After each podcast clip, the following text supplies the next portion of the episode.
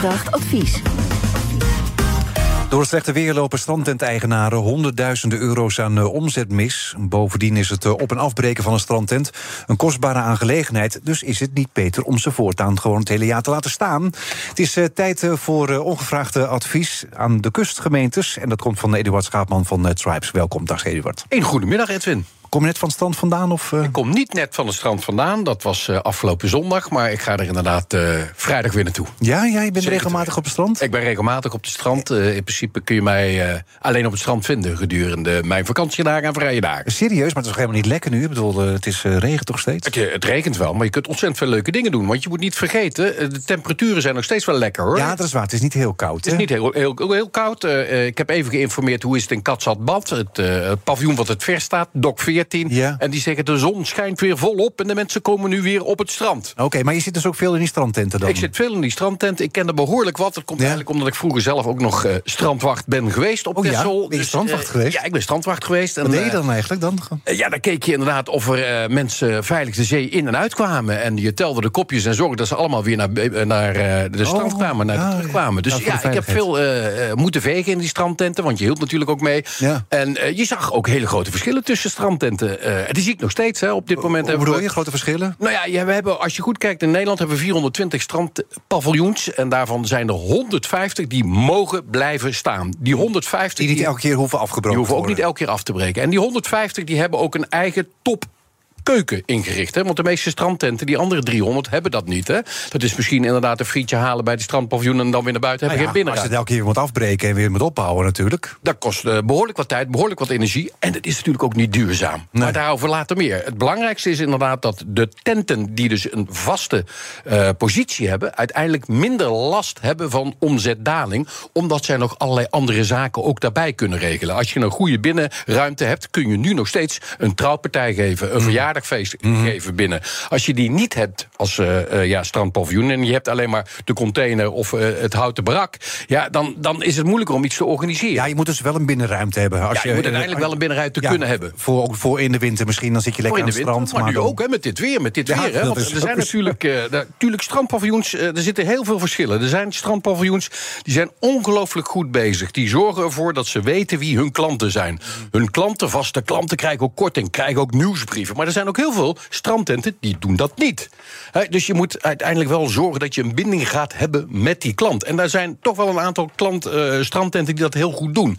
Die kunnen dus op nu, op dit moment, uh, zoals bijvoorbeeld uh, het Zoete... en dat is toevallig in, in Knokken... Ja. is een strandtent die heeft gezegd... we hebben morgen een besloten Jeu de Boel toernooi... en we zorgen dat de tenten te staan, ook al regent het. Dus die activeren de klanten om daar naartoe te komen. Ja, oké. Nou, maar, zijn toch niet over het algemeen een beetje dagjesmensen die bij die strandtenten komen? Hebben, hebben die echt, echt een vast eh, klantenbestand? Nou, je, wat, je, wat je hebt is dat je, uh, je hebt totaal ongeveer aan buitenlanders, vergis je niet, een 2,5 miljoen buitenlanders die hier komen. ja, maar die 1,6 komen één keer naar zo'n strandtent en die, Nee, gaan nee, weer weg. Nee, nee, nee, toch verkeerd. Eén, Oh. vandaag in nu.nl, lees Ja, dat stukje er nog Ja. even over na. 1,6 miljoen. Dat zijn de Duitsers die hier komen. En die zijn de trouwts. Die komen hier twee, drie weken. En die komen het meest naar die strandtent. En Elke zelfs nu, zelfs nu het inderdaad wat minder weer is. Dus die zijn wat trouwer. Kijk, natuurlijk moet je het hebben als strand eh, uitbater van die topzonnige dagen. Vroeger, in mijn tijd, was het zo...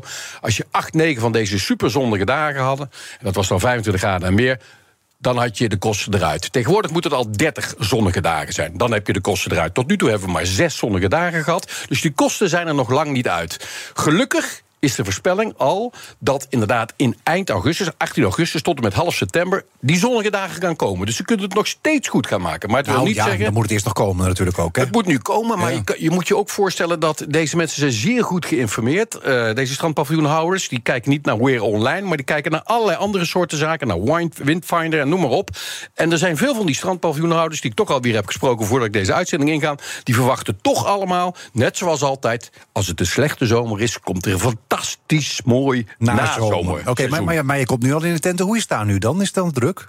Uh, nee, niet in alle tenten is het druk. Het, zijn, het is druk in die tenten waar inderdaad de strandeigenaar actief omgaat met zijn klanten. Waar die inderdaad een database heeft van die klanten en waar die inderdaad mensen kan uitnodigen. Seagull in Katwijk, die zegt nu ook inderdaad: hey, vandaag minder mooi weer en daarom snecht en Chocomel voor wat meer korting. Dus, je moet gewoon aanpassen eigenlijk. Je moet, je moet inderdaad actief zijn als ondernemer en zorgen dat de klanten naar je toe komt.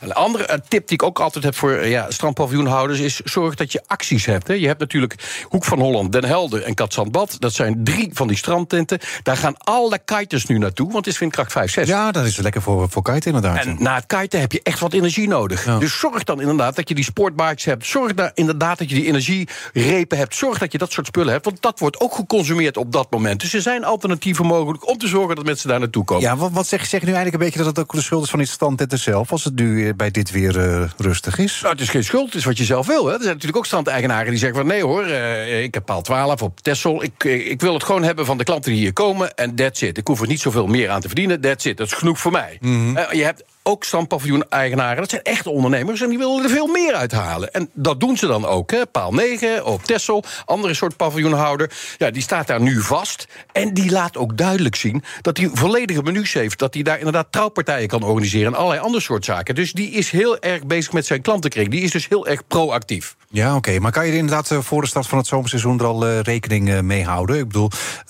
dat, dat je inderdaad maar een paar maanden er mag blijven staan. Ik bedoel, meestal worden ze afgebroken. Er staan een aantal staan er dan vast, die 150. Maar de meeste worden dan eh, afgebroken. Hoe kan je dan daar van tevoren al een beetje rekening mee houden... voor de start van het Ja, en voor de zomerseizoen? duidelijkheid, inderdaad, het is zo dat in principe in Nederland is degene die niet vast mogen blijven staan, die moeten er eind oktober af en Ja. moeten er 1 april weer op. Eh, hoe hou je daar rekening mee? Nou, dat is bijvoorbeeld eh, een, een andere tent die dat doet. die is op dit moment al bezig met het annonceren van een aantal leuke discoavonden binnen. Dus in principe. Ga je dan je omzet elders vandaan halen in de avond deze keer? Je moet natuurlijk wel weer de vergunning bij de gemeente gaan regelen. Dat heeft deze ook gedaan in Katwijk. En dan heb je opeens een feestavond. Want dat kun je in de horeca doen hier in Amsterdam. Maar dat kun je natuurlijk ook in je eigen strandpaviljoen Ja. doen. Dus anticiperen op datgene wat er gaat komen. Heb al een aantal andere activiteiten in je achterhoofd, in je achterhoofd die je kunt lanceren op het moment dat het wat minder weer is. Een ander voorbeeld: er is eh, inderdaad morgen een fantastisch mooi eh klaverjastoernooi in Woest.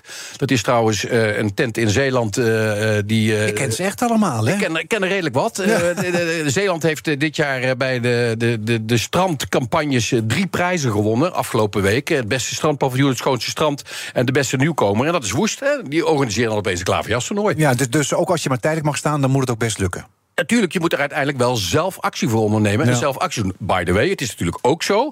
eh, de omzet gaat naar beneden. Maar op hetzelfde moment gaan je kosten natuurlijk ook naar beneden. Dat wil niet zeggen dat je die omzet goed maakt. Mhm. Maar hè, eh, lees vandaag in de, in de Financieel Dagblad een keurig artikel daarover.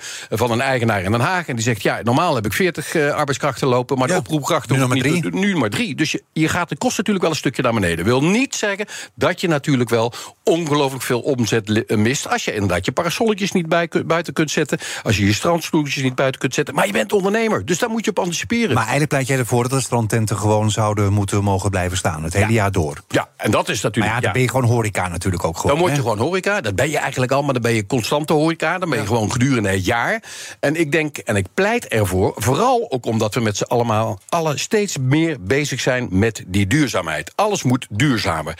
Nou, ik weet als geen ander wat voor een CO2-uitstoot het geeft op het moment dat je een paviljoen op- en afbouwt. Want er komen loodzware kranen bij. Daar komen heel veel vrachtwagens bij. Er gaat heel veel kapot. Moet je weer opnieuw vernieuwen. Dus ja, je vermindert ongelooflijk veel. Of je, je, je, je, je, je, zorgt voor ongelooflijk veel CO2-uitstoot. Plus, ja, die strandeigenaar die gaat natuurlijk niet investeren in datgene wat hij toch weer moet afbreken. Dus een houten strandpaviljoen of een container is niet erg duurzaam. En als je die open hebt in april en je moet gaan stoken, kost dat heel veel geld. En zonnepanelen, nee, daar ga ik niet in investeren. Dat gaat die strandeigenaar doen op het moment dat hij inderdaad ja, een vaste plek mag hebben. Dan gaat hij ook zelf investeren en dan wordt het veel energiezuiniger. En volgens mij willen we dat in Nederland allemaal. Dus de kustgemeentes in Nederland, zorg nou gewoon dat ze allemaal, diegenen die willen, een permanent vergunning krijgen voor het strandpaviljoen. Dankjewel, Eduard Schaap- Schaapman van eh, Tribes. Wil je ook het vorige advies horen aan de curator van Van Moof... om een zo hoog mogelijk bod van de fietsenfabrikant eh, te krijgen? Zoek dan naar ongevraagd advies in je podcast-app. Abonneer je daar en dan mis je geen advies meer.